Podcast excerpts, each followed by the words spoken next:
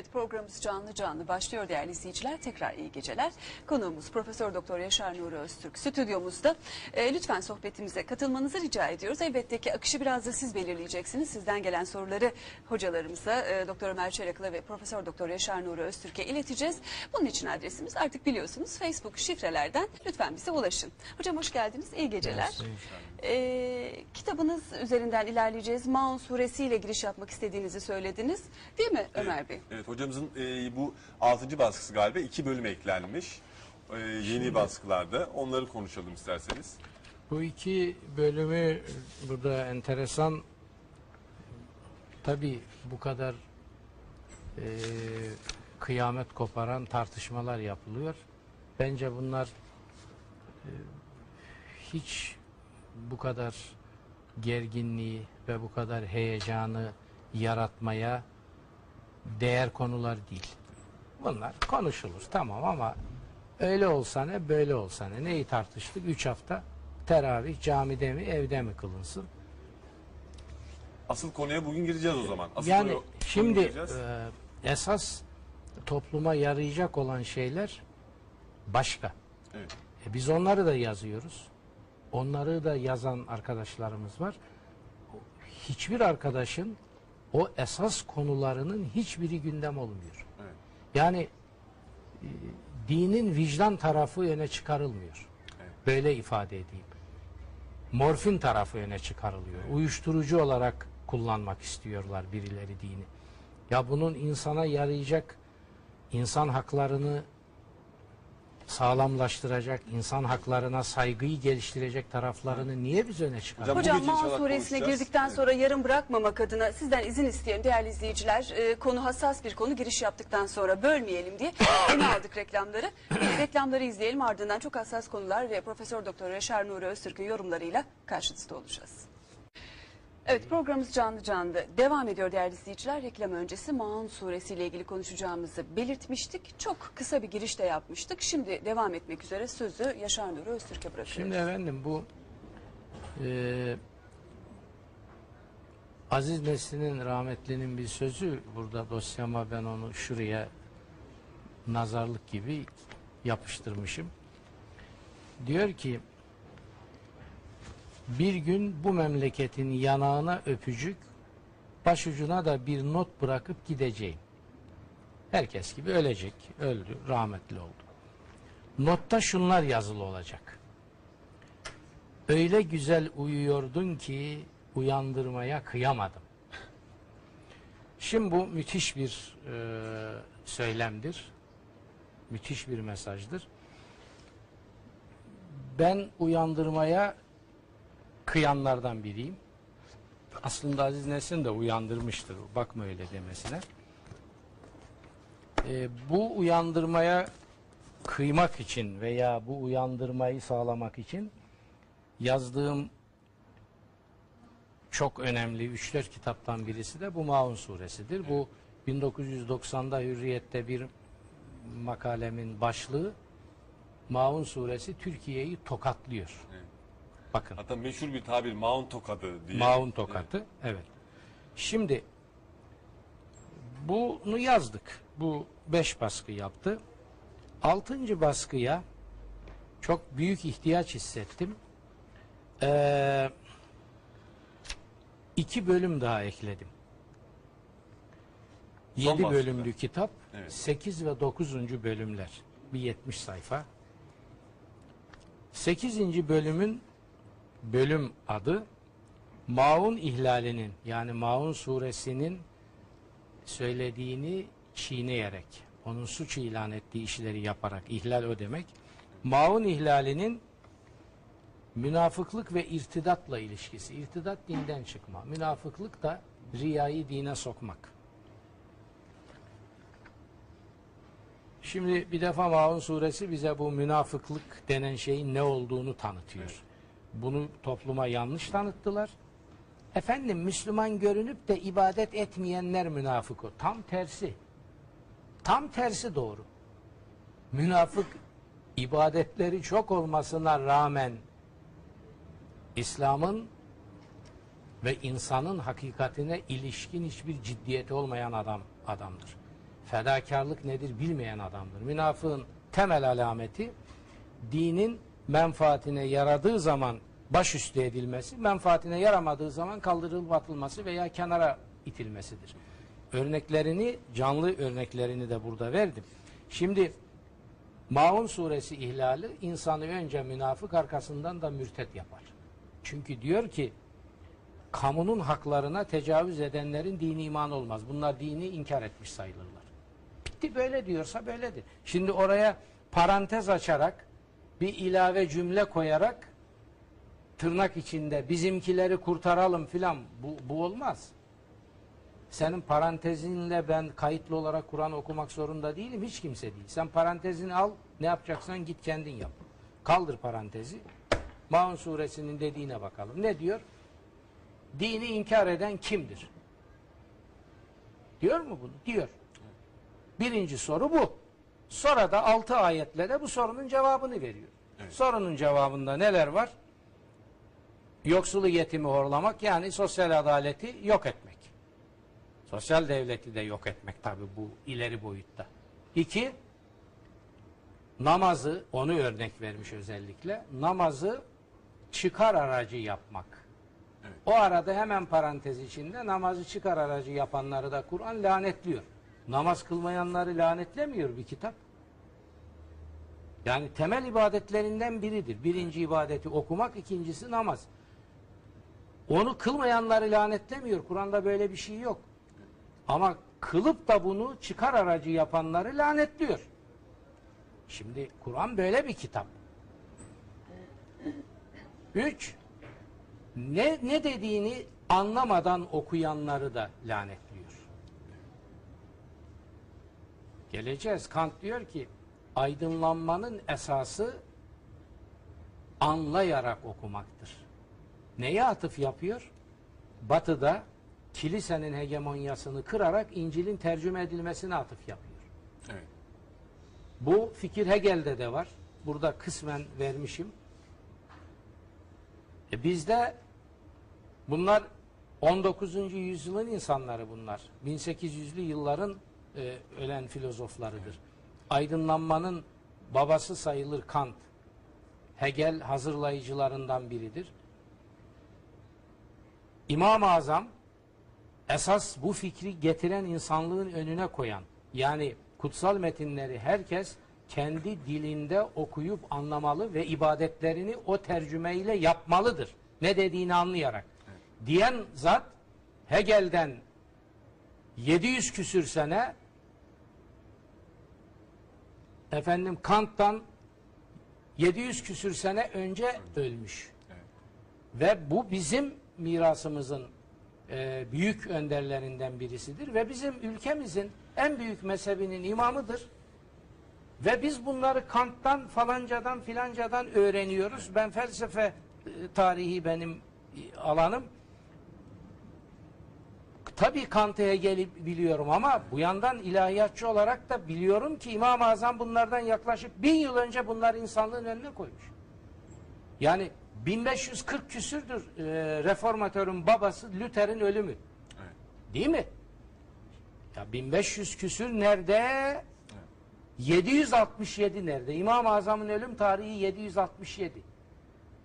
Buna benzer Böyle- bir olay yaşandı. Yani bir işaret falan değil. Adam bunun felsefesini yapmış, gerekçelerini koymuş, fetvaya bağlamış ve nihayet bu fikirlerini başıyla ödemiş. 25 yıl zindanlarda, Kampaneller 28 yıl zindanlarda Engizisyon tarafından çürütüldü. 25 yılda İmam-ı Azam. Ondan sonra da öldürüldü. Mesela hocam aynı duruma benzer bir durum daha son yıllarda tartışılıyor bilim dünyasında. Şimdi hep modern bilim, ilk bilim adamı, gerçek bilim adamı işte e, Isaac Newton olarak görülür. Ama son yıllarda şunu tartışmaya başladılar. Haysem, İbn Haysem'in Iraklı bilim adamının Gayet tabii. ilk bilim adamının Gayet o tabii. olduğunu Gayet yüzyıllar öncesinden ama görüyorsunuz hocam Müslüman olduğu için belki Irak'ta belki Iraklı bir İbn, bilim adamı. İbn Haysem bir tanesi. 50 tanesi var. Yani bizim o insanla, o neslin bizim Müslüman geçinen yobazın dinsiz zındık ilan ettiği insanlardır onların tümü. Şimdi sıkıştı mı batıya karşı bak bizim ne büyük adamlarımız var. Ya siz bunlara yaşarken yaptıklarınızı utanmıyor musunuz siz? Sen buna nasıl sahip çıkıyorsun? Sen bunların anasını dinine ağlattın.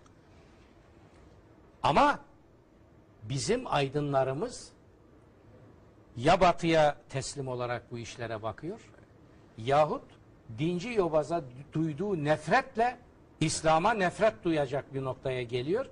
Kendine de yazık ediyor, topluma da yazık ediyor. Neyse bunu fazla dağıtmayalım.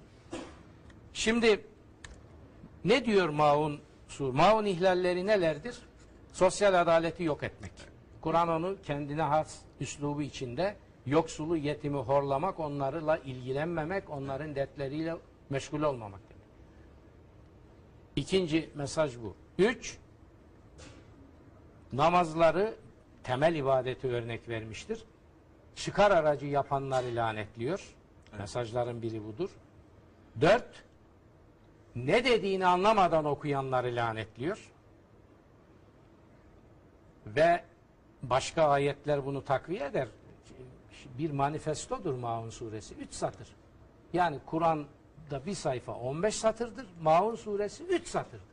107. sure Kur'an en son. Ama başka ayetlerde bunlar açılıyor. Mesela şeytan Allah'a diyor ki bana mühlet ver ben insanoğlunu mahvedeceğim. Göreceksin o hiçbir şey değildir. Sen bana ona secde et dedin ama o değmez buna. Nasıl edeceğim bunu? Ben onu diyor ümniyelere sevk edeceğim. Ümniye nedir? Ümniye baş anlamı ümniyenin ne dediğini anlamadan okumaktır. Yani şimdi biz senelerce Kur'an'ı şeytanın arzusuna göre okuduk. Bir millete Kur'an'ı şeytanın arzularına göre okutursanız, sonra da dönüp ben Rahman'dan rahmet ve bereket bekliyorum derseniz, bunun adı Allah'la alay etmek değil midir? Bunu yaptı İslam dünyası da bu hale geldi. Şimdi demek ki bu ihlalleri yapanlar sonunda bir şey daha söylüyor. Beşinci mesaj veya ayrıntı kamu haklarının, toplumun haklarının, nimetlerinin, imkanlarının esas gitmeleri gereken yere gitmelerine engel olmak. Bakın yemek değil, ben yemedim. Yemedin ama yedirdin. Yiyenlere göz yumdun. Yiyenlerin deşifre edilmesine göz yumdun. Yiyenlerin yargının önüne gitmesine engel oldun. Zaten Maun'daki ifade de engel olmaktır. Men kelimesini Türkçe'ye de geçmiş. Mani, olmak. Mani evet. Yemek illa şart değil. Yani zıkımlanmadın tamam ama zıkımlananlara göz yumdun. Bunu yaptığında da maun ihlalidir. Bu beş suç. Şimdi bunlar bunlar ne yapıyor insanı? Önce münafık yapıyor. Münafık tekrar veriyorum. İbadet etmeyenler değil onun kolayını bulmuşlar. Birini iki kadeh rakı içerken gördüler. Ya Müslümanım der ama bak işte bunu da böyle. Onlar münafık. Hayır. Münafık senelerce Müslümanlara maymun gibi bakan, Kabe'ye, hacca, efendim, ihrama tan edip sonra ihale ve kredi alacağı bir dine yakın bir iktidar geldi mi? Onların ifadesiyle dinci bir iktidar geldi mi? Hemen uçaklarla umre seferleri tertip etmeye kalkıyor. Münafık bu. Yani münafık ibadetiyle de öne çıkan adamdır. Şimdi Maun suresi diyor ki benim getirdiğim mesajları ihlal edenler önce münafık olur. Mürai olur. Fahrettin Razi'nin tabiriyle o da münafıklığın pis bir şubesidir. Riyayı ilahlaştırmak demek. Sonra da diyor mürted olurlar. Yani dinden çıkarlar.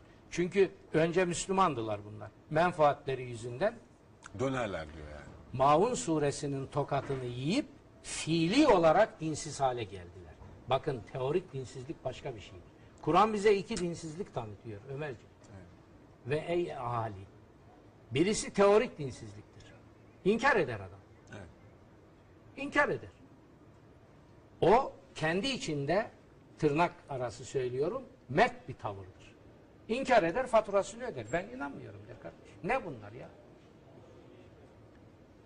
Fakat Kur'an bize diyor ki bir de bırakın inkar etmeyi. alnını secdelerden kaldırmadığı halde dinsiz damgasını vurduğum adamlar var diyor benim. İşte Maun suresi bunları anlatıyor.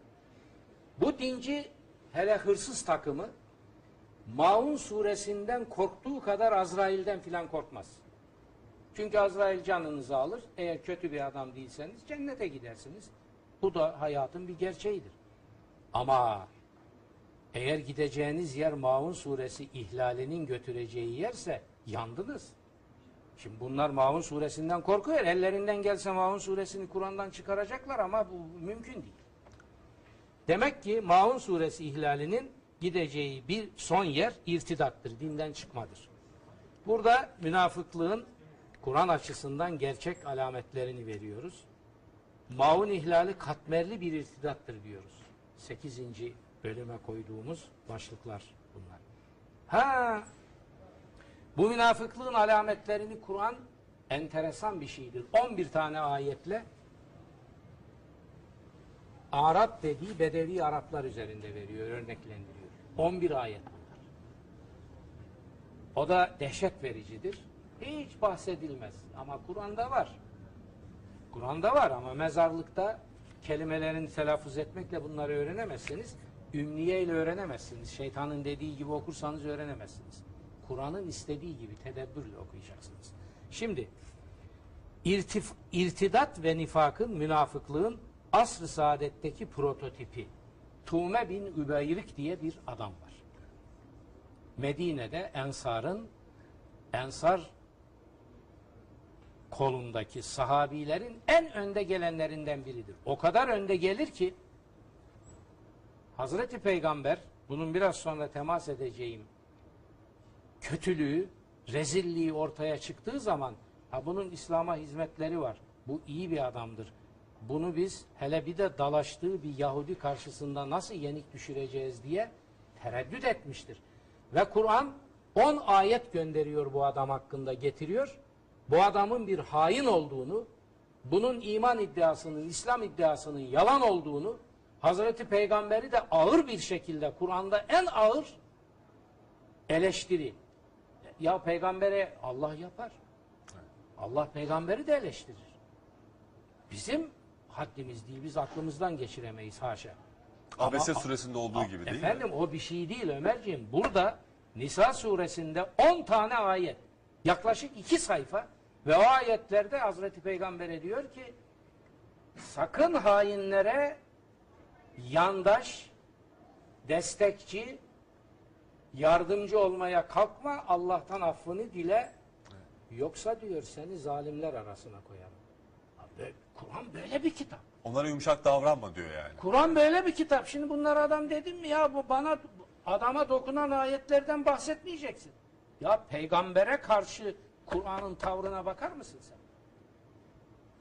Şimdi bu Tuğme bin Übeyrik dehşet verici bir mürtet. Nihayet bu Yahudi ile olan çekişmesinde Hazreti Peygamber bunun lehine hükmetme meyli içine girdi. Gelen ayetler peygamberimizi uyardı.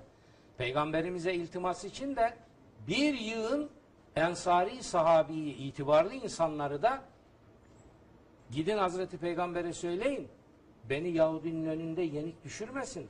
Ben bu kadar bu dine hizmeti olan bir adamım filan gibi bir tertip içine de giriyor. Bir hırsızlık olayı Yahudinin üstüne atmaya çalışıyor. Hazreti Peygamber de bu temayülde. Kur'an uyarıyor. Ve Va- sonuçta vahiy geliyor değil mi? Bunun Evet, üzerine bir evet, vahiy 10 tane geliyor. ayet. Peygamberimize o olay için batını, iç yüzü haber veriliyor peygamberimize. gayet tabii. Uyarılıyor o konuda. Çünkü şeyin söylediği gibi e, Müfessir Sıddık Hanım veya Alusi'nin vermişim hepsini. Diyor ki Cassas'ta da var aynı şey. Hazreti Peygamber ne yapacaktı? Bir hukuki mesele, bir yargılama meselesi delillere bakacak. Evet. Beyinelere bakacaktı ve deliller Açık zahirde, kanıtlar. görünüşte tuğma haininin lehine. Evet. Hazreti Peygamber de ona göre hükmedecekti. Cenab-ı Hak uyardı. Uyarınca iş çıktı ortaya ve adam dedi ki ben bu kadar hizmet ettiğim bir din bana bu kadar bir desteği vermiyorsa böyle bir dine lanet olsun. Kaçtı gitti Medine'den Mekke'ye orada müşriklerle İslam ve peygamber aleyhine çalıştı. Sonra yine bir hırsızlık yaparken bir duvarın altında kaldı, geberdi gitti. Şimdi bunu örnek veriyor. Tamam bu arada kitaplarda bu gebermek kelimesini çok kullanıyor. Ölmenin biraz se- e, biraz Şimdi bakın sert ölmek bir. insani bir kavramdır. Hayatın bir gerçeğidir. Ölmek insan gibi yaşayanların hakkıdır. İnsan haklarını çiğneye çiğneye yaşayanların, tuğme gibi yaşayanların, din üzerinden veya başka türlü hırsızlıkla şampiyon olanların ölmelerinden söz et. Ben etmem. Onlar geberirler. Hocam bu arada Diyanet İşleri Başkanlığı'nın meali var önünde. Hemen okuyayım Maun suresini. Birin, yani acaba Parantez diyor- varsa hiç okuma. Yok parantezsiz. Oku bakalım. Hocam çünkü e, izleyicilerimiz şaşırıyorlar. Diyorlar ki ya Kur'an-ı Kerim'de nasıl orada namaz kılanlara bir eleştiri gelir gibi. Bakın ben açık bir şey Diyanet İşleri İşte Başkanlığı'nın Kur'an'ın mucizesi orada. Evet 107. süre Diyanet İşleri Başkanlığı'nın yayınını okuyorum. Birinci ayet. Dini yalanlayanı gördün mü? Güzel. İki. işte o yetimi itip kalkar. Üçüncü ayet. Yoksulu doyurmaya teşvik etmez. Anlattık. Dördüncü ayet. Yazıklar olsun o namaz kılanlara ki beşinci ayet. Onlar namazlarını ciddiye almazlar. Onlar gösteriş yapanlardır. Riya yapan. Evet ve hayra da mani olurlar. Yani namaz kılanların aralarında Hayır hayra... mani olunlar değil. O, o tamamen bu düpedüz yanlış tercümedir. şekilde şey Maun hayır mayır değil. Ta doğrudan kamu hakkı.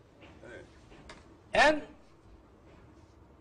unutulmuş şekliyle alsak ittifakla kabul edilen maunun zekat olduğu. Bu Diyanet'in Zekat çevirisi kamu hakkıdır. Büyük ihtimalle eski bir çeviri hocam. Efendim yanlıştır. Maun kelimesini hayır diye tercüme etmek hiç tartışmasız Evet, yanlıştır. Burada bu şekilde çevirmişler hocam. Zekat olarak da çevrilebilir mi? Bazı yerde zekat diye de Efendim zaten oluyor. ittifak maunun zekat olduğu. Zekat Birçok olduğu. şeyi kavrar. Evet. Fakat hepsini topladığınız zaman hasılı imana kamu haklarıdır. Evet. Zekat kamu hakkı değil mi? Kamu haklarının resmi, müseccel, müeyyideli kısmıdır. E maun zekatsa o zaman kamu hakkı demektir bu. O zaman burada ayette Yani Kur'an'ın mesajını Evet. el yordamıyla birileri rahatsız olmasın diye bu hale getirmek doğru bir iş değil. hocam büyük ihtimalle eski bir, Bir, çeviri. bir, bir şey daha. Yazıklar olsun mu diyor onlara. Evet, ve- ben de başta öyle tercüme etmiştim. Dördüncü ayette yazıklar olsun Ha, diye bakın. çevirmiş. Yazıklar olsun tabii ki o da doğrudur. Yanlış değildir ama müsaade etsinler. Ben Fahrettin Razi'yi okuduktan sonra Mefatihül Gaybını müfessirlerin babası Fahrettin Razi diyor ki veil kullanılmışsa en ağır suç işlenmiş demektir. Veilin manalarından biri de lanettir. Biz şimdi Türkçe'ye dönelim. Yazıklar olsun veil kelimesindeki şiddetli tokatı ifade etmiyor. Etseydi eyvallah. Arapçada ediyor. Veil olsun dediğin zaman Arap dehşete düşer. Anlar bunu. Türkçe'de bunun karşılığı yazıklar olsun değildir. Hep yaptık o hatayı. Bunun karşılığı lanet olsundur. Baksınlar tefsirlere, lügatlere görecekler. Türkçe karşılığı o mananın gücünü, etkisini tam anlatacaksak karşılığı budur. Diyanet'in ama bu çevirisinde diyor ki yani namaz kılanlar Ya arasında çeviri, çeviri doğru. gösteriş yapanlar ve fakire yardımcı olmayanlar, yoksula zekat, Maun- yardım etme, hayra O demiyor, o demiyor. Kur'an diyor. Evet, Kur'an diyor. Başka yani böyle bir çeviri yapabiliriz yapmış. Buradaki çeviri genel olarak ama bazı kitaplar için doğru hemen. hemen. Maun kelimesine verdiği hayır Evet, o bir kelime tane, de. bir tane bir, bir tane meal gördüm. Kova, çanak, çömlek gibi komşuluklar arası kullanılan şeyleri vermez engel olur diyor. Bakar mısınız şuna? Maun suresini çaktırmadan yok ediyor. Yok ediyor. Yani o manaya gelen yüzlerce ayet var onu ifade edecek Kur'an'da. Maun suresi sebul mesani bir sure. Bu mu? Lütfen şunu üstüne örtülen şalı kaldırdık. Bir oradan bir okusunlar. Şunu bir bitireyim de devam edelim. Tamam hocam. Onun ardından da zekatı konuşalım hocam isterseniz. Zekatı konuşalım. Şimdi din maskeli irtidadın öteki adı paraya tapma. Kur'an buna altın buzağıya, buzağı değil tabi icle değil, Kur'an'daki kelime icildir. Buzağı hem dişiyi hem erkeği ifade eder. Dana demek lazım. Ben dana dedim. O altına tapmadır. Hazreti Peygamber'in hayatında yaptığı en ağır beddua paraya tapanlaradır. Bu burada Maun suresiyle irtibatlandırılarak anlatılıyor. Hocam kısa Şimdi bir, e, Bir izin istesek. Hemen başlayacağız aynı yerden. yine sizi yayınlayacağız hocam. Sizden başka bir yere gözümüz kaymıyor. Gelen istek üzerine o kadar yoğun istek geldi ki hangi günde Ömer Bey? Bugün günlerden günümüzü de şaşırdık. Çarşamba, Kur'an-ı pazartesi günü. Rahman suresi Rahman suresini. Eyvallah. Çok Olay oldu sizden ederim. sonra. Ben de çok mutlu olurum. Rahman suresi dinlemeye benim de çok ihtiyacım var ama 3-4 cümleyle bitiriyorum. Tamam, rahat tamam, bitirelim dinleyin. üç dört cümle. Kızma. 9. bölümün başlığı Maun mesajının batıdaki yansımaları. Bakar mısınız? Aydınlanmanın omurgası anlayarak okumak. Bunu Kur'an getirdi. insanlığa Luther'den 800 yıl önce İmam-ı Azam bunu öğretti ve anlattı. Maun mesajı ve sosyal demokrasi kavramı incelenmiş. 9. ve son bölümde Maun mesajı ve Birleşmiş Milletler'in lügatına ve programına girmiş bir önemli kavram daha. Kaynağı Maun suresidir. Onlar biliyor bilmiyor. Hiç mühim değil. Biz söylemeliydik. Virgülü koyalım mı hocam? Küresel kamu malları kavramı. Maun getirmiş. Bitiyor Emel'ciğim. Bir dakika. Maun mesajının modern protestanlıkta yansıması. Burada ünlü ilahiyatçı Paul Tillich'in nasıl Maun mesajından etkilendiğini ve özellikle onun telaffuz edilmeyen Tanrı kavramını almışım. Onun da kaynağı Maun suresidir. Maun suresi diyor ki bir adamın telaffuz ettiği Tanrı onun gerçek Tanrısı değildir. Mesaj bu. Bu koca karı sözü değil. Bunu böyle anlay- anlayacaksın. Dediği o.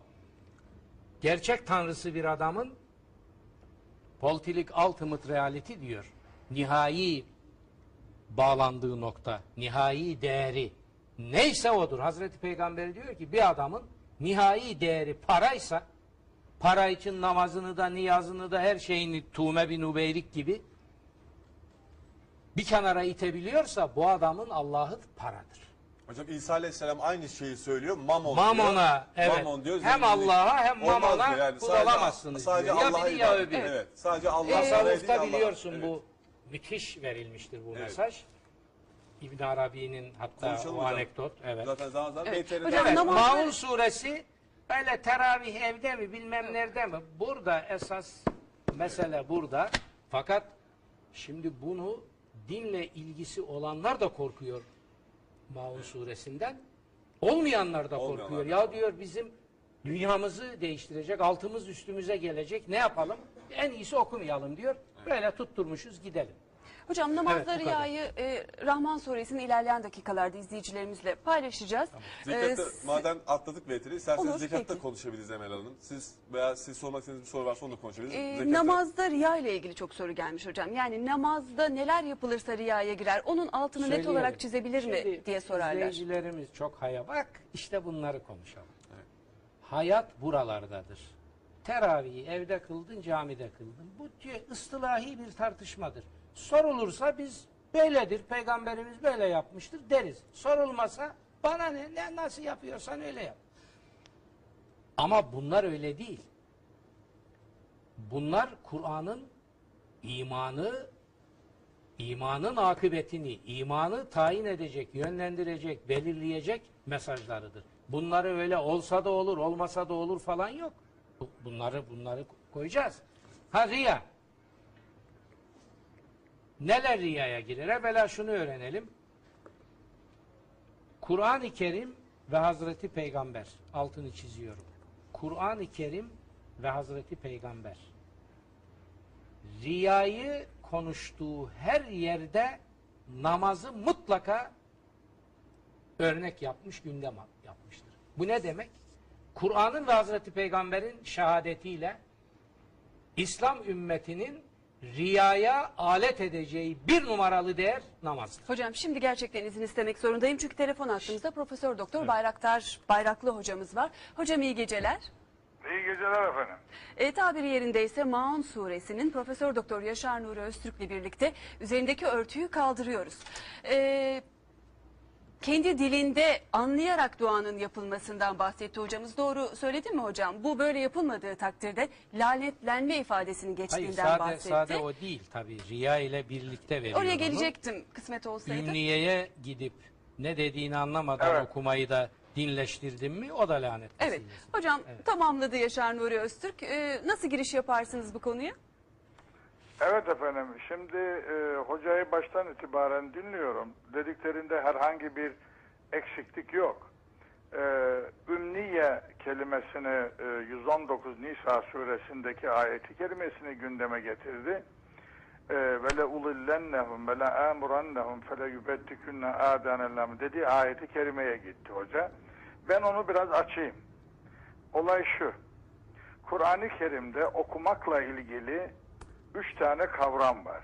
Birisi kıraat, birisi tertil, birisi de tilavet. Kıraat doğrudan doğruya okuyorsunuz fakat işin e, işin içinde değilsiniz. Siz kendinizi okuduğunuz şeye katamıyorsunuz. Onu içselleştiremiyorsunuz. Kur'an-ı Kerim'i okuyorsunuz ama kıraat ediyorsunuz fakat onu içselleştiremiyorsunuz. Hayatınıza koyamıyorsunuz, ışığını alamıyorsunuz. Tertil de doğru okuma e, biçimidir. Tilavet ise bakınız e, Şems suresinde geçer ve şemsi ve luhaha vel gameri izâ telâha güneşe ve onun ışığına ve onu takip eden ettiğinde aya yemin olsun diyor.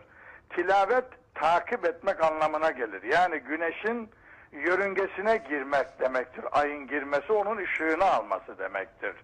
İşte tilaveti Kur'an-ı Kerim'e getirdiğimiz zaman okumaya Kur'an-ı Kerim'i takip etmek anlamına gelir. Onun ışığını almak anlamına ve onu hayatına uyarlamak anlamına gelir. İşte siz onu e, uyarlayamadığınız zaman, yapamadığınız zaman da şeytan sizi umniye yani bir takım kuruntulara sizi sevk ediyor. Okuduğunuzu anlamıyorsunuz manasına geliyor. Hoca söylüyor. Doğrudur bu. Ve e, veya e, Maun suresinde yapmış olduğu yorum doğrudur. Yani onun daha derin açılımını yapıyor. Bu zamana kadar insanlar Maun suresini okumuşlar ama anlamamışlar onu. Ne getirdi, ne mesaj veriyor insanlığa. Orada teker teker maddelerini hoca sıraladı. Ve maun kelimesi aslında öyle manalar verilmiştir ki çanak çömlek manasına da geliyor. Yani o manası da vardır maunun. Ama maunun zekat manası da vardır ama siz şimdi zekat ne demektir diye bir soru sorduğun zaman işte hoca söylüyor onu. Ne diyor? Kamu. Kamuya yarayan şeylerdir. Kamu kamuya fayda getireceksin. Dolayısıyla kamunun e, mallarının veya gelir dağılımını bugün söyleyebilecek olursak ekonomik ağzımızda gelir dağılımını e, en ücra köşesine kadar halkın ulaşmasını engelleyen adamlar demektir. Bu doğrudur. Yani Ağzına hocanın sağlık. söylemiş olduğu bu doğru gelir, gelir dağılımının halk katmanlarına inmemesi manasına gelir. Tüysüz yetimin hakkını yemek anlamına gelir yani. Bu kadar basit. Dolayısıyla bunu getirdiğiniz zaman güncelleştireceksiniz bunu. Yani siz kalkıp da çanak çömlek e, o döneminde peygamberimizin dönemine kalmaz bu ayet. Bu ayet gelecek kıyamete kadar insanlara ışık verecek bu süre ve o ayetlerin hepsi dolayısıyla hocanın yapmış olduğu yoruma kimse bir şey diyemez. Kim ne diyecek orada? Çok daha daha ileri de gidilebilir yani aslında Evet. bu e, Evet, Maun gidilir, suresini gidilir. açıklarken o söylemiş olduğu İsra suresindeki ayetler muhteşemdir onlar. Dolayısıyla e, olay şu. e, bakın e, biz Kur'an-ı Kerim'den e, uzak kalmışız. Bu halkı uzak tutmuşlar. Yani ilmihallerle, fıkıhlarla işi yapmaya çalışmışlar ama Allah'ın vahyini kenara etmişler. Bir bakıma nedir? İşte aydınlık felsefesi dedi hoca. Ben onu başka bir boyuttan ala, ele alayım şimdi. Söyleyeyim. Şimdi neydi efendim aydınlık felsefesinin ana e, ögesi nedir? İşte hoca bilir onu. Ögesi şudur. Biz Tanrı'ya inanmıyoruz ama Tanrı varsa şayet dursun gökte orayı idare etsin. Bizim hayatımıza karışmasın. İşte aydınlık felsefesi budur. Bu, bizim, biz de aynısını söyledik. Kur'an mı? Dursun orada. Ha, o köşede asılsın. Sandıkta dursun. Orada konuşup dursun. Benim hayatımda yeri yoktur. Ben fetvayı verirken Allah'a danışmam. Ne işi var benim? Dediler. Bu İslam alemini böyle cahil bıraktılar. İslam alemiyle Kur'an arasında büyük Berlin duvarları koydular efendim. Olay bu. Olay bu. İnsan aklını Müslümanın aklını Kur'an'la buluşturmadılar. Buna engel koydular. İşte bu, bu hoca bunu e, vurgulamaya çalışıyor. Yani anlatmaya çalıştığı budur. Yani burada itiraz edecek herhangi bir şey bulamazsın. Ne bulacaksın yani? Ne diyeceğiz yani? Ve tam tersine buna katkıda bulunmamız gerekiyor. Yani bakınız olay şu. İslam aleminin problemi nedir bugün? Bugün emarını çekiyor. Bakın size bir ayet okuyorum şimdi. 114 e, Enam. Efe gayrallahi ebtegi hakemen ve huvellezî enzele ileykumul kitabe mufassala. Peygamberimize diyor ki Allahu Teala de Allah'tan başka bir hakem mi arayayım? Ki o açıklayıcı kitabı indirendir. Şimdi biz bu açıklayıcı kitap biliyoruz mu bilmiyoruz. Bilmiyoruz. Bilmeden Ahmet'in, Mehmet'in fetvalarıyla fetva verir din adına. Dini beşerileştirdik. Muhlisine lehuddin diyor Kur'an-ı Kerim'de. Nerede dini Allah'a has kılmak? Nerede? Ve temmet kelimetu rabbike sıdkan ve adla diyor. Allah'ın kelimesi, hükümleri, vahyi, doğruluk ve e, adalet bakımından tamamlanmıştır diyor. Bitmiştir. Bunlar diyorlar ki bitmiyor, tamamlanmamıştır diyorlar. Ve Kur'an-ı Kerim'i biz geleceğe aktaramıyoruz efendim. Ee, benim şu anda e, soracağınız soruya bunu söyleyeceğim. Başka sorunuz olsa cevaplandırırım. Ee, hocam başka bir sorumuz var. Ee, biz çok teşekkür ediyoruz değerli yorumunuz için. Ondan bambaşka bir başlık. Aslında çok farklı bir konu. Soru sorarken bile tedirgin olacağım ama geçtiğimiz günlerde stüdyomuzda bu konuyu işlemiştik. Hani bazı ayetler yeterince iyi niyetle yorumlanmadığında istismara çok açık hale gelebiliyor. Bu başlıklardan biri de tabii ki çok eşlilik. Geçen gün e, stüdyomuzda bu konuyu işledik. İnanır mısınız yüzlerce soru geldi bu konuyla ilgili. Bir de sizin yorumunuzla dinlemeyi çok istiyoruz. İslamiyet'in çok eşliliğe bakışı nedir? E, ne söyleyeceksiniz? Pardon. Bakın, bu Pa- pa- konuyu- bir, bir dakika konuyu- Bayraktar hocam bir dakika. Buyurun. Ya bunu Bayraktar Hoca aynı zamanda biliyorsunuz psikologtur. Evet. Batı'yı orijinal İngilizcesinden Batı edebiyatını, felsefesini takip eden bir arkadaştır. Ve ilahiyatçıdır ve bir tefsirin de sahibidir. Şimdi buraya alıp da o konuyu burada onunla Ne kadar enine hoş bo- olur. e, enine bu siz onun sözünü alın hocadan. E, bir kısa giriş yapsaydı Tamam, teşekkür yapsın. etme faslında Tamam, davet edecektim ben de ama ayrıca hatırlattığınız için çok Tamam. teşekkür ediyorum. İyi ki varsınız. Hocam buyurun. Efendim şimdi Nisa suresinin 3. ayeti kerimesini gündeme getiriyorlar. Şimdi bakınız e, bizde yapılmayan şeyler şudur. Bizde din alimi falan. Bak ben bir şey söyleyeceğim. Burada bir ayrım yapacağım. Burada vatandaş madem dinliyor efendim reytinginiz yüksek. O zaman şunu söyleyeyim. Bakın malumat sahibi ile ilim adamını ayırmak lazım. Bakın bu ayrılmıyor. Yani eğer malumat sahibi olan adam ilim adam olsaydı en büyük alim Süleymaniye Kütüphanesi olurdu. Süleymaniye Kütüphanesi'ni insanın beyni olarak düşünün. Bütün kitaplar orada. Bir insan bütün kitapları yutsa malumat sahibidir. İlim adamı değildir. Çünkü onların analizini, sentezini yapamıyor. Yeni bilgi doğuramıyor.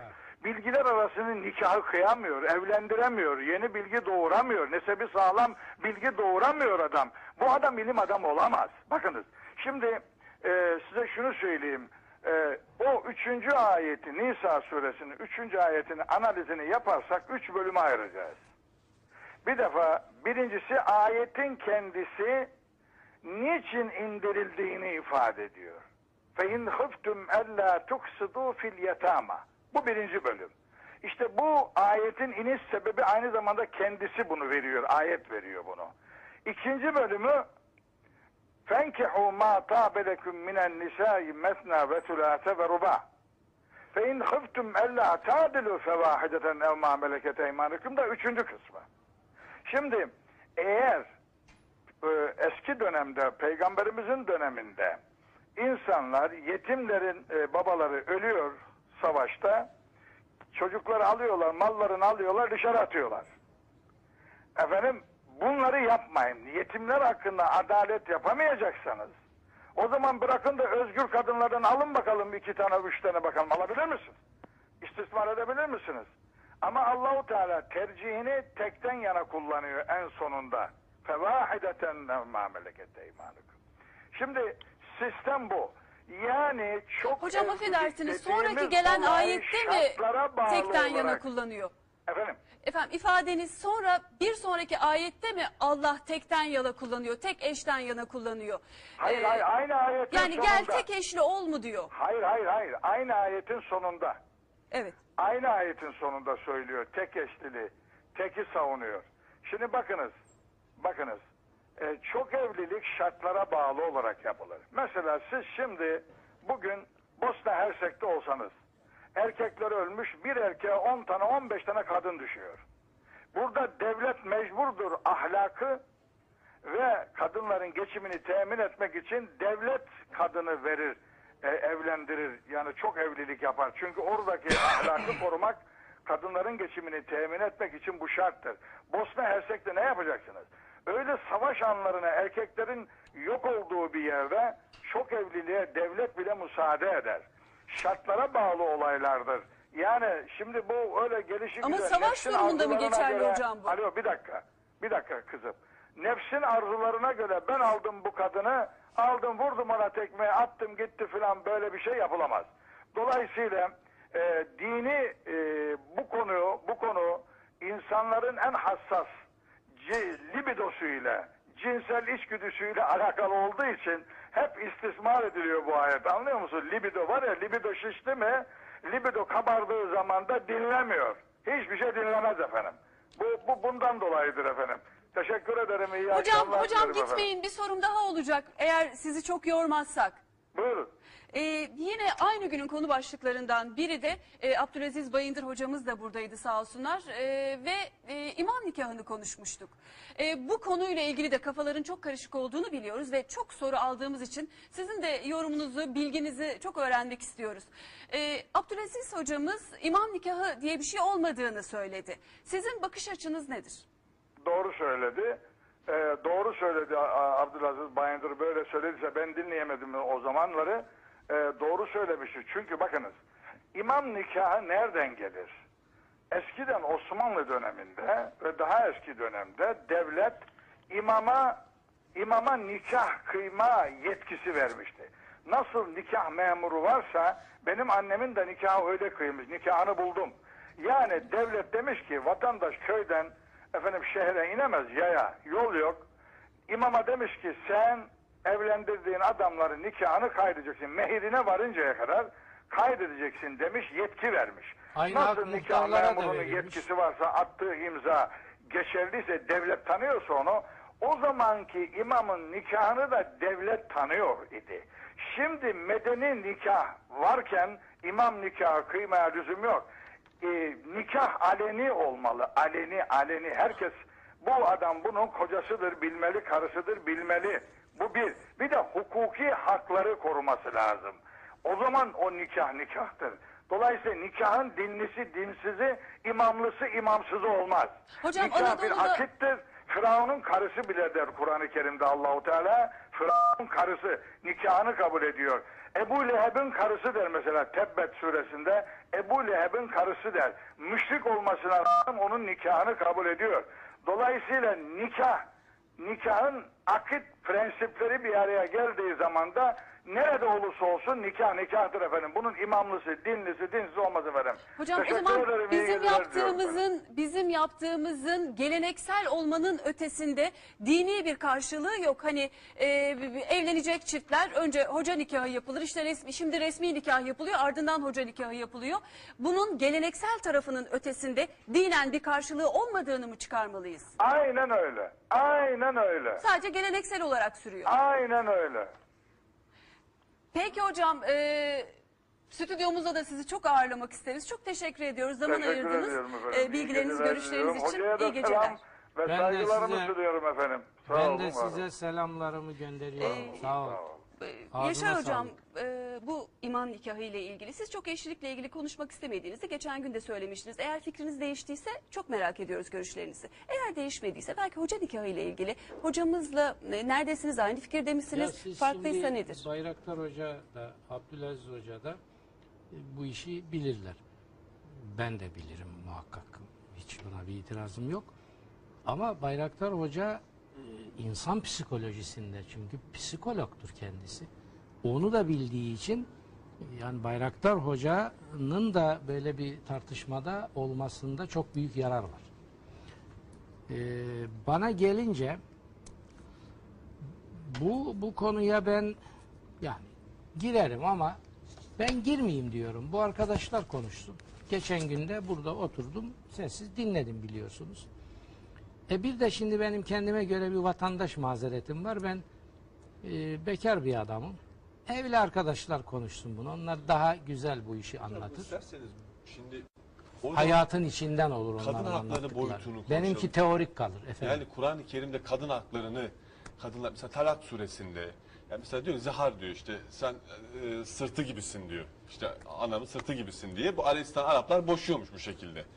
Yani Tabii kadın- o çok toplumda laçkalık yarattığı Evet. için Kur'an-ı Kerim ona müdahale etti. Yani kadınların haklarını koruyor değil mi? Yani bu konuda boşanma konusunda olsun, kadının sosyal statüsü açısından olsun, kadın haklarını Kur'an-ı Kerim Hocam Ya İslamiyet Kur'an'daki- boşanmayı erkeğe şimdi mi müsa- vermiştir? müsaade edin bakın kadın haklarını koruyorlar.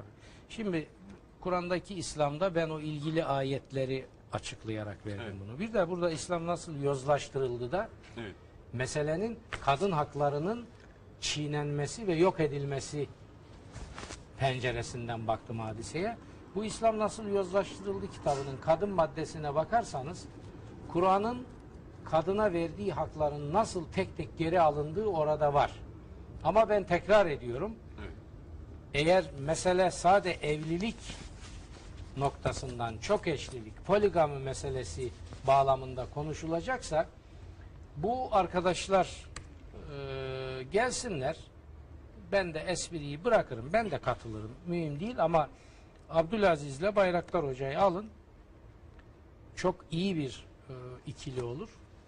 Ve bu meseleyi teferruatıyla Sorumu şimdi tekrar edebilir miyim? Evet. Boşanmayı erkeğe mi vermiştir hayır, dinimiz? Hayır hayır hayır. Hep talak diyor. Mutlak. Hani bildiğimiz bir şey vardır. Üç Hayır kez efendim. boş ol, boş ol, Hayır, boş ol. Zorlaş. Bakın kadının da boşama hakkı olduğunu hiç kimse inkar etmiyor. Yani en kadın karşıtı, en erkekçi fakihler bile, hatta hurafeciler bile inkar edemez bu Kur'an'ın inkarı olur. Hangi şartlarda Zorlaştırıyor. Zorlaştırıyor. Hulv diye bir tabir var fıkıhta. İşte tefviz diye bir tabir var. Yani kısaca şudur. Diyor ki kadın da boşar ama nikah akdi yapılırken akdin içine ben de istersem boşama hakkımı kullanacağım diye kadının koyması lazım. Zorlaştırıyor. Peki siz geleneğin boyunduruğu altında inim inim inleyen nikah kıyılırken babası, anası, kardeşi aranan, vekil aranan bir kadın ben oraya ben de istersem boşayabilirim diye hangi cüretle bunu yazdıracak? 16 yaşında evlenmiş. Aklı hiç yazdıramamıştır zaten. Ama yarın eleştiri almasınlar ya Kur'an'ın açık hükmünü çiğniyorsunuz demesin diye kimse efendim o da boşayabilir. Gayet tabi bir hukuki işlem iki iradeyle kuruluyorsa iki iradenin var olmadığı zaman o o işlem de yok demektir. E şimdi bizim medeni kanunda da pek hoş değil şey. Ben senelerce avukatlık yaptım ve çok boşanma davası da aldım. Yani benim e, avukatlıkta işlerimden biriydi de bu. Bizimki de pek neşeli değil. Onu da mesela bir de isterseniz bir medeni hukukçu alın, oraları da tartışalım. Yani bugünkü dünyanın medeni hukuku da bana göre bir faciadır bu bakımdan. İnsanlık yeni bir şeyleri mutlaka keşfedecektir. Buna ihtiyacı var insanlığın ve Türkiye'nin. Ben oralarda söyleyeceklerimi söyleyeceğim. Yoksa bir adam bir kadınla yaşamamayı düşünüyorsa tamam mı? Hinlik yapacaksa bunu yapacak. Şimdi ben burada kalkıp ona buna e, fetvabazlık yapmak istemiyorum. Benim insanlığın geleceği bakımından bu birden fazla ka- bakın çok eşlilik filan değil. Böyle numaraya getiriyorlar işi. Birden fazla kadınla yaşayıp yaşamamak. Olay bu. Birden fazlası çok olmuyor mu? Efendim bilmem ben. Yani sokakta kavramı 10 nedir? kişiyi çevirin, 7'sinin cebinden garson yer anahtarı çıkıyor. Ama sorduğun zaman hepsi çok eşlilik düşmanı. Ben bir programda öyle demiştim. galiba Ali Kırca'nın programıydı yıllar önce. Dedim ki bakın mert olalım. Gelin Kur'an'ı eleştiriyorlar. İşte bazı solcu molcu filan entel e, tanımına kendini sokan bir takım arkadaşlar. Bakın mertçe herkes cebindeki garson yer anahtarlarını çıkarsın buraya koysun. Ondan sonra bunları konuşalım. Sen bir kadınla yaşamaya mı talipsin? Bunu mu savunuyorsun? Yoksa ben bir kadınla yaşamaya değil, istediğim kadar kadınla yaşayacağım ama sorumluluk kabul etmiyorum mu diyorsun? Bunu anlayalım. Bu ben tekrar ediyorum birkaç saat ve birkaç branştan uzmanlarla tartışılması gereken bir iştir. Ciddi bir meseledir. Mahallede hinlik yapacak bir takım adamlara burada hiçbir arkadaşımızı ve bizi fetvacılık yaptırmayın. İnşallah önümüzdeki haftada hocam bunu Evet, tekrar yani. konuşuruz. Birinci ben mücadele süresi Hatta beni, ayet. beni hiç çağırmasanız memnun olurum. Evet hocam Yo mücadele siz siz süresi- olmaz bu Yok, konu. bensiz Vallahi olmaz siz. Ama benim biraz da hakkım yo. yok. Ben Evet. şimdi bekar olduğum için evliler tartışsın. Hocam bu zahar meselesi hemen kısaca Birden söyleyeyim. fazla evliliği tartışacaksınız. Mücadele Biz süresinde- cas çavlak. Ben, ben neyi tartışacağım? Konuşuruz merak etmeyin. Evet. Mücadele süresi birinci ayette kocası hakkında seninle tartışan ve Allah'a şikayette bulunan kadının sözünü Allah işitmiştir diyor. Yani Allah e, orada haksızlığa uğrayan kadının sözünü Allah'ın işittiğini dolayısıyla burada kadın haklarını bir şey alan VTR'miz var. Onu izleyelim. Bu Ya bir Evet. dakika. Bir Meşhur VTR sakın bu defa kesmeyin. Hayır. Kur'an-ı Rahman Kerim suresini kadınları hocam bu hakları defa için kaçırırsak mücadeleye çağırıyor, teşvik Çağırıyor. ediyor. Evet. Ayağa kalkın diyor kadınlara. Hatta Kur'an Kur'an'ı Kur'an'ın istediği gibi okuyan bunu itiraf zorundadır. Evet. Hocam Şimdi ne yapıyorlar kadını? Bastırıyor. Bizim verdiğimiz kadar fazla yok diyor. Hocam size çok zor bir soru var. Reenkarnasyonu size sormuşlar. Eski bir kitaptan bazı bölümler göndermişler mail olarak ama reenkarnasyon var mı diye soranlar da var. VTR'den sonra buna geleceğiz. Evet Rahman suresini arkadaşlarımız hazırladılar. Ee, geçtiğimiz günlerde yayınlamıştık sizden gelen istek üzerine. Ayrıca size sistem de var izleyicilerimizden. Böyle bir lezzeti bizden nasıl yıllarca mahrum bıraktılar diye sorarlar ama e, VTR'ye yayınlıyoruz. Ben- Ondan ben- sonra cevabını benim alacağız. tembelliğime Buyurun. bağışlasınlar. Öyle ne kadar okumuşuz. Peki. Hocam bir kez daha teşekkür ediyoruz. Gerçekten de e, yüreğinize sağlık, nefesinize sağlık. Çok, teşekkür ediyoruz. Ben bir kez daha söyleyeceğim. Sizin ezan okuyuşunuzu çok merak ediyorum. Ayrıca sizden de dinlemek isterim. Bunu Bu bir kez daha söyleyeyim. Şeyin e, Saim abinin kaydettiği bu bu bantta şey de var. Saim Yeprem. Saim hocanın o bana okuttu ya yani adam okutmasa benim böyle bir o, halbuki yüzlerce okumuşum ben. Topluluklarda münferit dostlar arasında bir de bir bayır da mevlid okutmuş. Onda kaydı var mı? Tabii bu bu bu CD'nin içinde o da var. Evet. Bir şey okumuşum. Tevhid Bahri okumuşum. Onu arkadaşlar Yani o yani. nasıl bir güne gelmişse orada meyanlar filan benim keyfimce pek iyi olmamış. Ya burada iki meyan var mesela, iki asma karar var. Bunlar güzel düşmüşler. Evet, gayet güzel. Ve bu bir asistan odasında. Evet. Akustik yok, bilmem ne yok, neyin nesi işte ama okumuşuz. Bu Kur'an'ın kendi bereketi bu olmuş. Evet. O Mevlid Bahri'de fena değil ama e, bu kadar iyi tutmamış. Başka da yok. Yani eğer ben Sayın Bey'in biraz önünü açsam, azıcık ona yar olsam belki Sayın Bey benden 50 tane böyle e, okuyuş kaydedecek. Siz müsaade etmediniz. Müsaade etmedim değil. Ben tembel bir adamım demek ki. Savsaklamışım. Önemsememişim ama şimdi bakın. Hocam bu reenkarnasyona geçelim mi? Çok soru da geldi.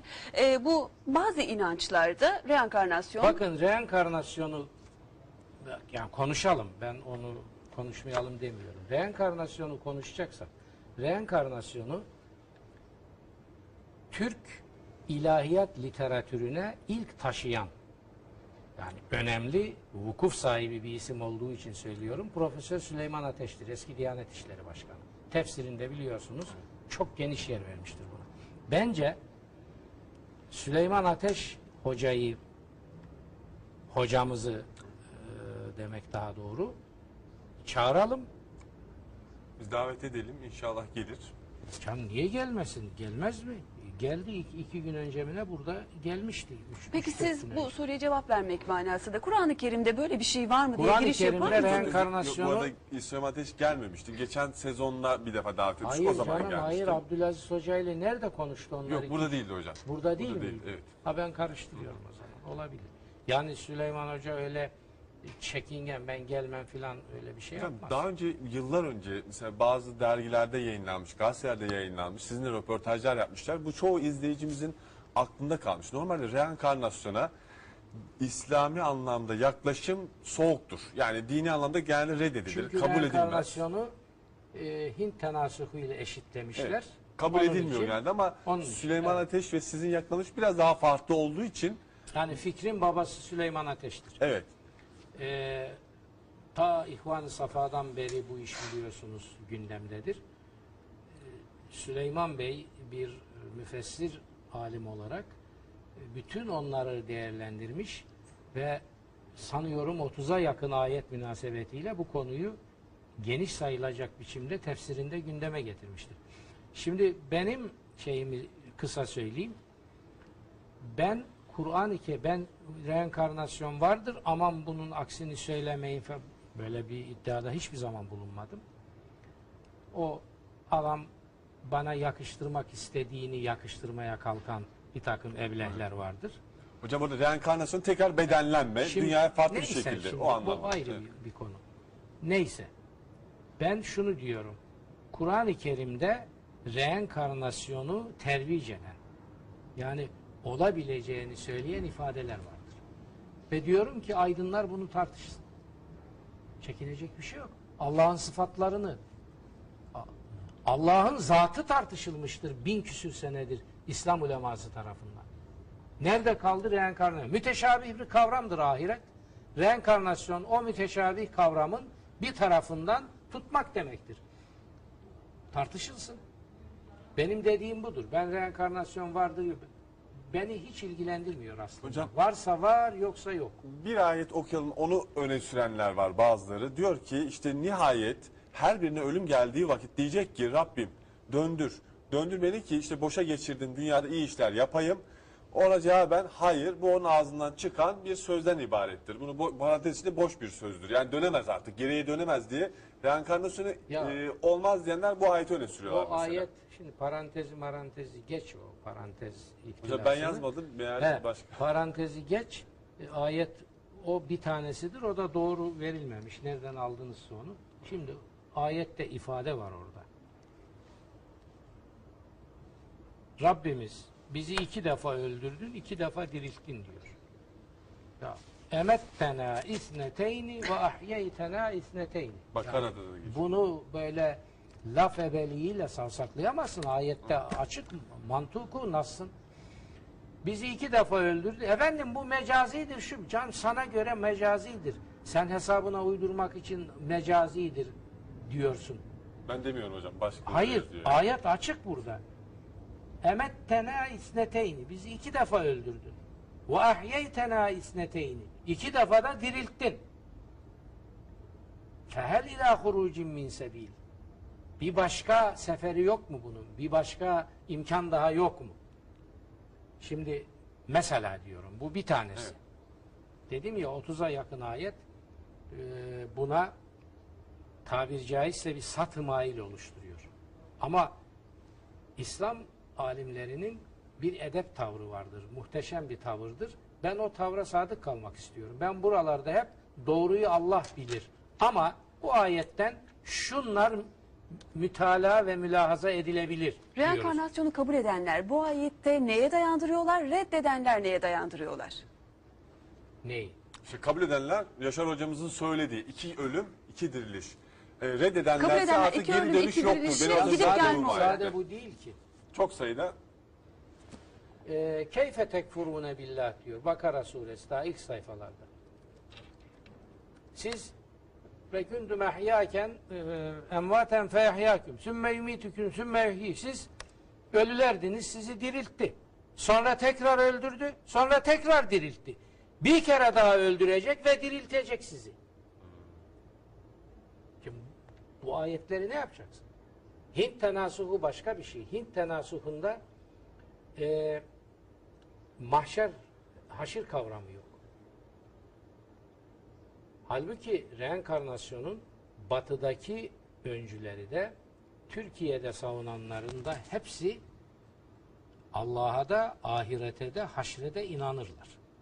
Yani Süleyman Hoca gibi bir insan bunu bunun haşre maşre zarar veren bir tarafı yok. Tam tersine haşir inancının en mühim takviyelerinden biridir. Müteşabih bir kavramdır haşir inancı.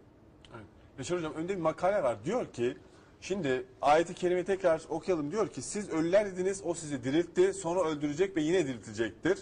Ee, şeklinde sonra ona Hayır, hayır, hayır, bir döndüreceksiniz. dakika. Cek cek yok orada Ömer. Evet. Şimdi cek cek Meal- dedim mi? hocam bu meal çevirilerinden Cek cek okuyorum. dedim mi? Olmaz. Evet, doğru. Diğer Olmaz ayette- biz, değirmenci değiliz. Orada muzari fiil kullanılmış. Ve üç zaman defa diyor. gelecek takısı- Öldürmek, diriltmek, öldürmek, diriltmek. Cek dedim mi bir kere de bitti. Doğru. Doğru. Bir defa öldürdü ve diriltecek. Öyle demiyor. 10 mealin 9'unda böyle çevirmişler hocam. Yani Öldürüyor, diriltiyor. Öldürüyor, diriltiyor. Dört defadan bahis 10 var. tane Kur'an kitabı, Kur'an meali alsak 9'unu hocam böyle çeviriyorlar. İyi, bunu söylemeniz çok iyi oldu. Diğer ayette okuyalım isterseniz. Yine aynı mealde şöyle çevirmiş. Diyor ki onlar Kur'an'ın metnini buraya getirip evet bu işi bilen insanlarla burada konuşmak inşallah hocam o ayette okuyayım diyor ki Benim, onlar benim bir iddiam yok ama ben Kur'an-ı Kerim'in buna açık olduğu kanaatindeyim. Biri gelir beni ikna ederse etsin göreyim. hocam Ama cek cuk bilmem parantez Değil, evet. falan ekleyerek böyle numaralarla olmaz. Doğru. Hocam mealde öyle yazmışlar. Diyor ki iki ölüm iki dirilişte ayetteki iki ölüme iki dirilmeden söz edilmektedir demiş. İlk dirilme şu dünya hayatıdır. Bundan sonraki dirilme de ahiretteki dirilmedir diye açıklama yapmış. Ya Onu böyle bilmiyorum şey- ama böyle yazmışlar yani. Böyle saçmalık. Ömerciğim ber hayat olmamış bir varlığın ölümünden nasıl bahsediyorsun? Adam diyor ki dünyaya gelişimiz birinci dirilmedir.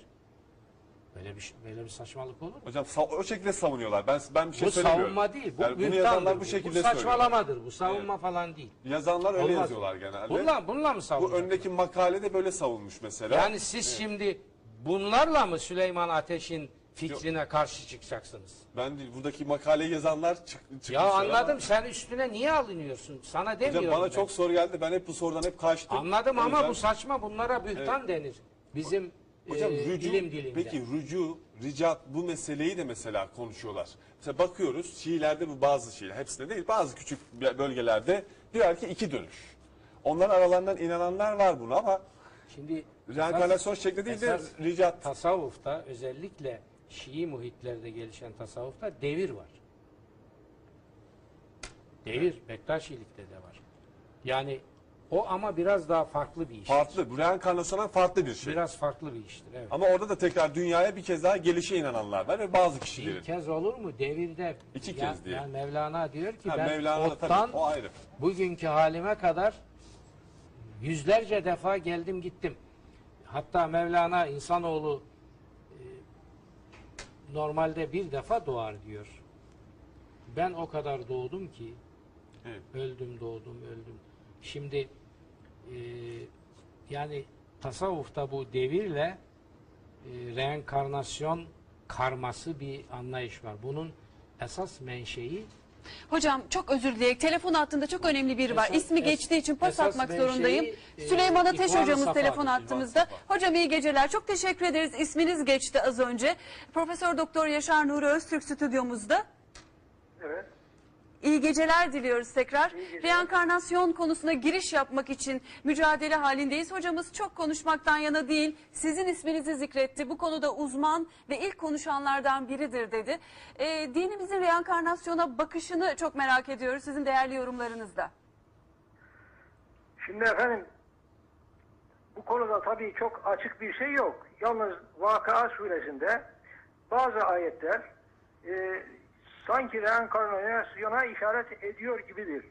E, mesela e, o ayet şu. Nahnu kadderna beynekumul mevte ve ma nahnu bimesbukin. Yani biz in- sizin aranızda ölümü takdir ettik. Bir, bu konuda bizim kararımıza kimse kararımızı kimse önleyemez. Bizim önümüze kimse geçemez. Ala en nubaddile emsalekum ve nunşi'ekum fî mâ lâ ta'lemun. Ta ki böyle yaptık ki sizi benzerlerinizle de- değiştirelim ve sizi bilmediğiniz biçimde yeniden inşa edelim diyor ayet-i kerime böyle.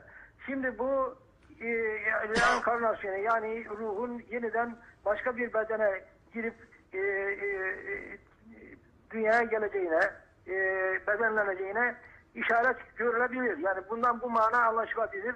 Fakat dediğim gibi e, cumhur, cumhur dediğim İslam ulemasının çoğunluğu buna karşıdırlar. Reenkarnasyonu kabul eden var ama onlara ihvan-ı safa deniyor. Fakat e, İslam alimlerinin çoğunluğu reenkarnasyona karşıdır. Yani bu konu kesinlik ifade eden yani İslam aleminde bir o, e, şeye henüz e, bir sonuca bağlanmış bir şey değildir. E, İslam itikadına göre böyle bir şey yoktur. Yani ruh e, başka bir beden ise bedene girip dünyaya gelmez. Ruh bir- bedene girecek ama o ahirette olacak. Dünya dünya e, ya bir dönüş söz konusu değildir. Çünkü bazı ayetler e, ruhun yani insanın tekrar dünyaya gelmeyeceğine işaret ediyor. Mesela e, suresinin son e, ayetlerinde son son sayfasında orada diyor ki yani kâle rabbi ci'ûni lealli a'malu salihan fîmâ teraktu dedi ki ya, ya Rabbi beni e, bizi tekrar döndür yani tekrar beni bedenime döndür ki e, şimdiye kadar yaptığım şeylerin yani yanlış işlerin yerine güzel şeyler yapalım diyor ama e, e, Cenab-ı Hak diyor ki hayır. Bu onların kendi sözleridir, kendi hayalleridir. Yani bir daha e, bedenlerine dönme söz konusu değil. Bu ayetten de ruhun e, tekrar bu yani bir bedene döneceğine dair bir e, şeyi olmayacağı yani böyle, böyle bir e, eylemin böyle bir hadisenin olmayacağı belirtiliyor. Bu mesele şüpheli bir mesele. Yani bu manaya gelecek ayetler var ama fakat İslam aleminin e, çoğunluğu buna karşıdırlar. Onun için ben e, kesinlikle bu vardır veya yoktur demiyorum. Ama buna işaret eden ayetler olduğu gibi bu ayet buna buna karşı olan ayetler de vardır. Bu, bu konuda e, belki ileride bir gün yani hakikaten bunun yüzde yüz böyle olacağı e, şey edilirse yani bu e, e, bilim alemi tarafından kabul edilir veya ispatlanırsa e, Kur'an-ı Kerim'de buna e, aykırı bir durum yok. Ama bugünkü durumda ben bu konuda kesin bir söz söyleyecek durumda değilim. Yani vardır demiyorum kesin olarak, yoktur da demiyorum. Hocam e, inananlar bu konuda reenkarnasyon vardır diyenlerin ortak birleştiği nokta ruhun tekamülü için bu gidiş gelişlerin şart olduğu yolunda birleşiyor. Sizden ruh kavramına bir açıklık getirmenizi rica edebilir miyiz? Ruhun böyle bir tekamüle ihtiyacı var mıdır? Eğer varsa dilerseniz önce ruhun tanımını alalım. Ruh nedir? Evet. Şimdi ruh, e, tabii ruh insan bedenine konmuş, olgunlaşmak üzere bu dünyaya gelmiştir. Ruh ibadetlerle, Allah sevgisiyle yani sevgiyle olgunlaşır. Ama e, sevgisizlikle, yanlış işlerle ruh değerlerini kaybeder. Daha kötü bir duruma düşer. E, yani olgunlaşması için ibadete ihtiyacı vardır. E, Şems suresinde kad aflaha men zekkaha ve kad khaba men dessaha. Yani nefsini, ruhunu e, tezkiye eden, yücelten kimse felah buldu ama onun değerlerini kaybeden, alçaltan kimse de perişan oldu buyurulmaktadır. E, elbette ruh olgunlaşmak için gelmiştir. Ruh vardır. Ruh e, yaratılmıştır ama e, ebedi olarak yaratılmıştır. Yani ruh ölmez. Ölen bedendir. Ruh bedenden çıktıktan sonra eğer olgun, olgun ise iyi ruhlar arasına katı, katılır. Ama olgun değilse o zaman e, yaptığı eylemlere göre cezasını çeker. Fakat tabii benim kanaatime göre Kur'an-ı Kerim'den edindiğim malumata göre ebedi cehennem söz konusu değildir. Ruh ne kadar uzun süre e, şeyde ceza çekse de cehennemde fakat bir gün e, orada işte o çekildi, çektiği azaplar neticesinde olgunlaşır. Bir gün o cehennemden kurtulur. Fakat tabi olgunlaşmış olan ruhlar ce- cehenneme hiç gitmez. Doğrudan iyi ruhların arasına katılır. Onlar o cennete gider. Orada huzur ile yaşar. Orada dert, tasa söz konusu değildir. E, hocam az önce vardır ya da yoktur noktasında kesin bir bilgi vermediniz. Ancak size şunu soracağım. Bu reenkarnasyon vardır diyenlerin yine birleştiği, ısrarla savunduğu şey adalet. Yani işte bu dünyaya çok varlıklı ya da çok güzel gelen biri bir sonraki hayatında diğer acıları tatmalı ki bir takım engellerle karşılaşmalı ki ancak olgunluğa erebilir. Evrendeki bu adalet bu yolla sorgulanabilir mi? Bu makul karşılanacak bir şey midir? Onlar kendi hayalleridir. Yani a- a- a- ruhu olgunlaştırmak için illa bu dünyaya gelmesi lazım. İşte e, cehennem denilen şey o dü- ora- bu dünyadan sonra ruhun çekeceği sıkıntılar falan onun olgunlaşmasını sağlar. Buraya gelmesine gerek yok.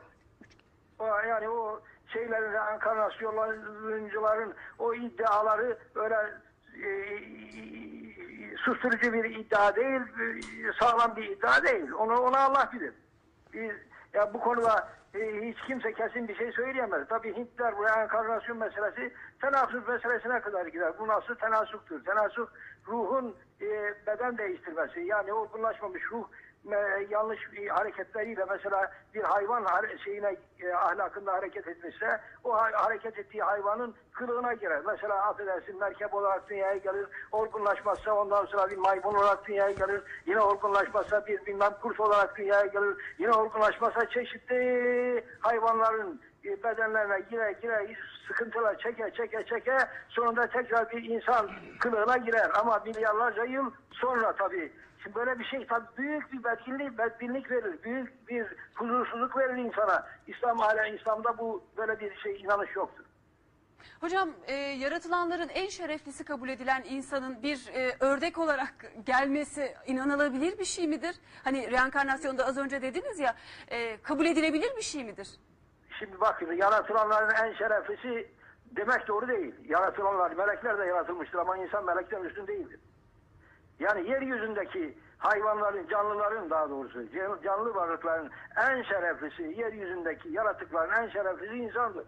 Ama ruhanilerin daha üstünde üstün değildir. Zaten insan melekliğe doğru sevk edilip yönetilmiştir. İnsan olgunlaşa, olgunlaşa, olgunlaşa, olgunlaşa melekleşir, ruhu melekleşir.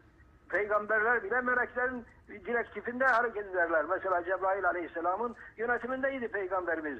Kim ona vahiy getiren en büyük melek Cebrail Aleyhisselam'dır. Onun için e, e, yani en, en şerefli mahluk. Evet yeryüzündeki canlı beden yani bedensel varlıkların en şerefli şereflisi insandır muhakkak ki. Odur. Ama onun olgunlaşması ibadette, aşk ile yani tasavvuf yoluyla olur. Yoksa öyle e, reenkarnasyoncuların dedikleri gibi bilmem beden, beden değiştire değiştire değil. Onlar onların kendi hayalleri. Onlar öyle yani şey e, insanı ikna edici, susturucu, e, ta- ruhu tatmin edici, insan gönlünü insan gönlünü tatmin edici sözler değil, inançlar değildir. Hocam eğer reenkarnasyon varsa bile bu gide gele ruhun tekamülü sağlandığında cennet cehennem kavramı sorgulanır bir hale gelmez mi? Tabii yani ruhun tekamülü için işte cennet Tekamülü cehennem var. sağlanana kadar gidip gelen cennete mi cehenneme mi gidecek? Cehennem Yani onlara göre kavramı zaten cehennem sorgulanmaz yok. mı? Yani onlara göre cennet ce- bu şey, cehennem bu e, çeşitli bedenleri de dünyaya gelip e, e, daha önceki davranışlarının e, cezasını çekmez, çekmesidir. Onların şeyi cehennem anlayışı bu. Yoksa bizim Kur'an-ı Kerim'in anlattığı biçimde bir cehenneme onlar inanmıyorlar. Ama biz tabii bu bizim inancımıza aykırıdır. Aykırıdır. Reenkarnasyon bizim inancımıza cennet de var, aykırı mıdır cehennem de hocam? var. Olgunlaşmamış ruhlar cehenneme gidecek. Or orası olgunlaşma yeridir. Yani sırf Allah'ın intikamı değil. Allah yani, yani kim ki Ce- Cenab-ı Hak sana çok yüce insandan niye intikam alsın? Onun şeyi yani cehenneme gönderilmesi kendi eylemlerinin sonucundadır. Yani insan Pir Sultan Abdal'ın dediği gibi cehennem dediğin dal odun yoktur. İnsan ateşini bile götürür. Yani insan yanlış davranışlarıyla kendi cehennemini yapmış oluyor. Kendi e, kötü eylemlerinin ateşine e, yanıyor. Yoksa Cenab-ı Hak ondan öc almak için onu yakmıyor. İnsan kendi kendini yakıyor. Onun Hocam için reenkarnasyon vardır diyenin dinine halel gelir mi? Tabii İmanına İslam halel gelir gibi mi? Cumhur yani Cumhur İslam ulemanın ulemasının çoğunluğuna göre reenkarnasyon İslam inancına aykırıdır. Yani şimdi ama bazı ayetleri bu şekilde yorumlarsa o bir yorumdur, tefsirdir. Yani dinden çıkmaz böyle demekle. Nitekim İslam aleminde bu görüşü kabul eden insanlar vardır. İşte İhvan-ı Safa gibi. Yani onlar bu, bu şu ayeti buna delil gösterirler. Bakın kullama nadiyat culuduhum beddellahum culudan gayraha liyezukul azab. Yani onların derileri piştikçe, olgunlaştıkça onlara yeniden deriler veririz ki azabı tatsınlar. İşte onlar bunu ihvan-ı safa şeyin ins- insanın e, bu- bedenden çıktıktan sonra başka bedenler yani kötü hareket etmişse, olgunlaşmamışsa başka bedenler içerisine deriler beden bedenler deri, deri bedenin en e, şeyidir, e, Paris şey, e, e, kısmıdır. Yani başka deriler veririz ki azabı tatsınlar. Yani bu suretle başka bedenler içerisinde azap çekerler diyorlar. Bu onların inancı. Ayeti böyle tefsir ediyorlar. Ama İslam uleması bunu bu şekilde tefsir etmiyor. Tefsirlerde yani şu cehennemde yanan kim, kimselerin derileri tabii pişecek, düşecek, onu çürüyecek. Ondan sonra yeni deriler tekrar verilecek ki azabı tatsınlar. Onlar öyle anlıyorlar. İslam ali- alimlerinin çoğu yani tefsircilerin çoğu ayeti böyle yorumlarlar. Ama İhvan-ı Safa ise bunu yeni beden e, içerisine, ruhun yeni beden içerisine girmesi şeklinde anlıyorlar. Ya bu bir yorumdur. Bu yoruma e, yorumu kabul eden kimse dinden çıkmaz. Ama Kur'an'ı inkar ederse kasten bile bile o zaman dinden çıkar. Reenkarnasyon yoruma açık bir konu mudur hocam? Evet yani açıktır tabii yorum, yorum olabilir. Ama dediğim gibi e, cumhurun yani çoğunluğun e, kanaati böyle değildir. Yani reenkarnasyonun İslam'a aykırı olduğu kanaatine. Çünkü reenkarnasyonun de- dediğim gibi temeli tenasüka dayanıyor. Tenasük kesinlikle merduttur. Yani ten- tenasük demek ruhun e, bu bedenden çıktıktan sonra e, hayvanlar kılığına e, girmek suretiyle bedenleri dolaşması demektir ki bu çok büyük bir şey bedbinlik getirir ve çok büyük bir huzursuzluk getirir bu. Peki hocam bazı bölgelerde bizim ülkemizde de var. Ee, bu inancı taşıyanlar bir takım örneklerle ortaya çıkabiliyorlar. İşte e, ben e, ölen amcamdım deyip vücutlarında belli işaretlerle ortaya çıkabiliyorlar. Bu sizin yorumlarınızdan şunu mu anlamalıyız? Bunlar tamamen tesadüf e, ve e, açıklanamaz durumlar. Reenkarnasyonla alakası yoktur diyebilir miyiz? Mesela Şimdi Hatay bakın. yöresinde çok vardır. Ee, ben bunu iddia edenler- geçmişteki haberlerden de hatırlıyorum. İşte ölen amcam deyip işte 7 yaşında bir çocuğu aynı amcasına benziyor. Ee, amcasının hat- e, yaşadığı hayattan çok kimsenin bilmediği kısımları aktarabiliyor. Bu gibi şeylerle karşılaşıyoruz. Ee, ne Ben size diyeceksiniz? söyleyeyim mi? Ee, bunlar daha ziyade reenkarnasyona inanan e, bölgelerde o- ortaya çıkıyor. Yani Hindistan'da görülüyor bu gibi şeyler. Ondan sonra bizim işte Anadolu'nun bazı yerlerinde var. Yani şimdi isim vermeyeceğim siz de bilirsiniz zaten. Oralarda ortaya çıkıyor. Yani onlar tabii ki çevre tarafından kendilerine empoze eden düşünlerin, düşüncelerin etkisiyle e, kafalarına bu yerleşiyor. Ondan sonra böyle söylüyorlar. Bu bu bir. İkincisi e, şimdi bazı ölmüş insan insanlar e, şeyler yani yeni de doğacak insanların beynini etkileyebiliyorlar. Yani o, o onun onun ruhu ona girmiyor. Fakat o, o çocuğun beynini e- etkiliyor ve o e, o çocuk onun onun e, şeyiyle yani kendisini öyle zannedebiliyor. Zannediyor ki ben oyum. O şekilde şeyler söylüyor. Onun onun hayatına dair yani o o, o insanın hayatına dair bilgiler ver- veriyor. Aslında o onun ruhu o değil. O, o kimse o yeni doğan çocuk o, o değil. Ama ölmüş olan o o kimsenin ruhunun bununla iletişim kurmasından ibarettir. Bu bir. İkincisi sonra insanlar bazı rüyalar görür. O rüyaların e, etkisiyle bir, işte bir yerleri görür, görmediği şeyleri görür. Onu e, yaşamış gibi, eskiden yaşamış gibi bilinçaltına yerleşir. Böyle Dinen iddialar. açıklanabilir bir tarafı yoktur diyorsunuz Yok, anladığımız evet, kadarıyla evet, hocam. evet, Çok evet. teşekkür ben ederiz. size bir şey söyleyeyim, bir fıkra anlatacağım. Şimdi e, benim hocam diyordu ki işte Erzurum'da e, Edip Efendi medresesinde okuyor. Orada arkadaşlarından birisi bu reenkarnasyona inanıyormuş. O sırada bu adamın da babası ölmüş. 40 gün olmuş ölmü. Bir affedersin bir merkep gelmiş. O şey talebenin arasında gezerken o o çocuğa o e, bu reenkarnasyona inanan e, gence sürtülmüş. Ondan sonra demiş ya ulan işte baban. İşte babandır geldi sana e, e, seninle ilişki iletişim kurmak istiyor. Yani bunlar e, ciddi şeyler değil. Kesin Peki bir şey hocam. değil. Allah bunu gizlemiş. Onun için biz e, Kur'an ne diyorsa ona, ona inanacağız. böyle e, bu şeyin arkasına düşmek hiçbir fayda yok. Peki hocam çok teşekkür ederiz değerli Rica ederim. görüşleriniz için, zaman ayırdığınız için. İyi geceler. Sağ olun. Sağ olun. Aslında ben Buyurun. uykudan kalkarak size cevap vermeye Evet, geldim. e, bu arada benim az önce bahsettiğim ricat inancı doğruymuş. Ben iki kez demiştim. Evet Şia'da mesela El İkaz'da var İmam Sadık. Demiş ki işte ricata inanmayan bizden değildir diyor mesela İmam Sadık da. Onlar da ama bu Şia'nın hepsini tabii demiyoruz. Şia'da bazı kişiler iki defa dünyaya yani ve bazı kişilerin bir kere öldük ondan sonra ikinci bir geliş daha olacak.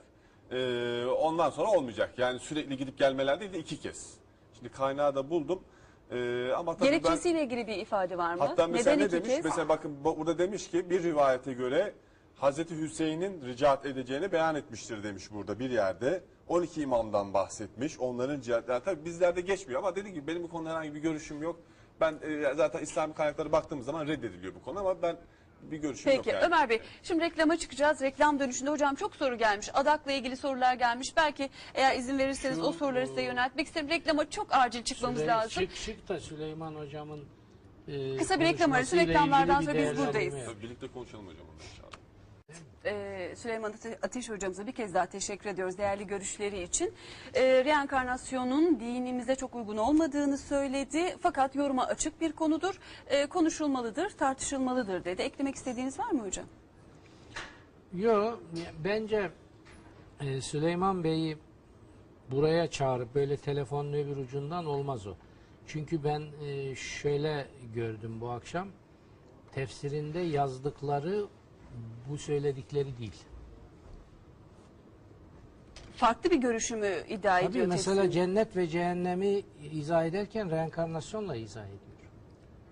Ne Böyle söylüyor açık hocam? pasaj. Ya şimdi ben niye yapayım? Çağırın kendini. Çağırın kendini. Bana gel derseniz ben de gelirim. Ama e, Süleyman hocam kusuruma bakmasın. Bugün söyledikleri reenkarnasyonla ilgili tefsirinde yazdıkları değil. Yani belki belki diyecek ki ben o fikirlerden döndüm. Öyle değil artık öyle düşünmüyor. Ben onu bilemem. Ben onun adına hüküm veremem burada. Ama tefsirinde yazılanlar bunlar değil. E, tefsirinde pardon farklı görüşleri e, belirtiyor ama telefonda onun dışında şeyler söyledi. Fikri değişmiş olabilir. Eğer değiştiyse bunu öğrenmek Ben isteriz hocamızdan. E, belki biz yanlış anladık. E, değil mi Ömer Bey? İfadelerini biz yanlış anladık. En doğrusu canlı canlı stüdyoda konuşmak. Yanlış, Çok ben haklısınız. yanlış anlamadım. Seni bilmem.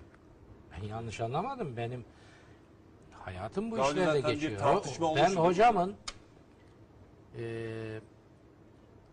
cennet cehennem maddesinde benim Kur'an'ın temel kavramlarında cennet ve cehennemi izahından bir parça almışım.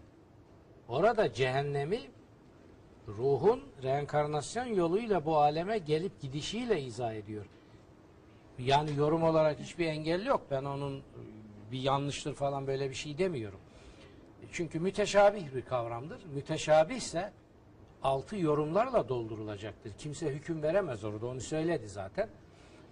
Ama şu akşam burada konuştukları ile tefsirinde bu konuyla ilgili yazdıkları aynı değil. Hocam tefsir ama bayağı yıllar önce hazırlanmış bir tefsirdi değil mi? Efendim o zaman değiştirmiş. Ben ne bileceğim? Çünkü son zamanlarda belki e, yayınladığı makalelerde farklı görüşü olabilir. İnşallah buraya davet ederiz. Kendisi aynen, daha iyi aynen, izah eder. aynen onu söylüyorum. Görüşleri hangi yönde? Onun için değişti. telefonla olmaz bu iş. Evet. Bu aynı çok evlilik filan gibi.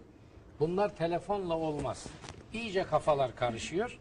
Eminim bu akşam reenkarnasyonla ilgili de kafalar karışmıştır. Evet, şu anda bu yanlış anlaşılmasın. Biz çok evlilikle ilgili herhangi bir şey e, bir amacımız yok. Sadece bu konu var mıdır yok mudur? Çok kişinin aklında yoksa biz taraflı değiliz. Çok kişi de Ben sade bir gibi vatandaş durumumuz yok. yerine koyup kendimi dinlediğimde benim kafam karıştı. Evet. Hocam zaten Benim her kafam- konuda kafalar sürekli karışıyor. Aslında bazen kafalar karışmasa harekete geçmiyor. Zihin harekete geçmiyor. Soru Zihnin işaretleri dışında- bazen düşünmeye Sevgili sevk ediyor. kardeşim. Bu şuna benziyor. Ömer Bey Senin- dinin senin dışında tıp kabul Önüne etmiyor mu? bir beş tane rakam veriyorlar. Diyorlar ki şu ikisini çarp Evet. şu üçüncüye bunları veya işte dördüncüye beşinciye böl. Evet. Şimdi sen alıyorsun bunları. E, kerat cetveli veya çarpım cetveli Evet. yok. Yok. Üç tane rakamı birbiriyle çarpıyorsun ama diğer çıkan rakamları Evet. bilmiyorsun. Doğru. Nasıl olacak? Nasıl olacak? Doğru. Bu, bu işlemin sonucu İnşallah olmaz. açıklığa kavuşturalım Onun için önümüzdeki haftalarda. bu. Onu alacaksınız buraya.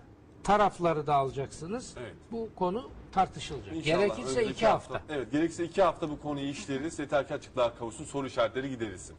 Ee, Ömer Bey yarın akşam Cübbeli Ahmet Hoca konuğumuz olacak bu stüdyoda saat 23'te. Fakat siz çok e, razı değilsiniz ama ben bir kez daha DVD'nizi tanıtmak istiyorum. Ee, Doktor Ömer Çelakıl'a Doktor Arif Aslan'ın Kur'an-ı Kerim'deki Sırlı Ayetler DVD'si hem kitap evlerinde hem de marketlerde e, yerini almış durumda. İlgilenenler oradan ulaşabilirler. E, bu akşam da bizden bu kadar. Hocamıza teşekkür ederim değerli, değerli görüşleri için. Yarın gece bir kez daha söyleyelim. Cübbeli Ahmet Hoca bizimle birlikte olacak. E, şimdilik bizden bu kadar. Mutlu geceler.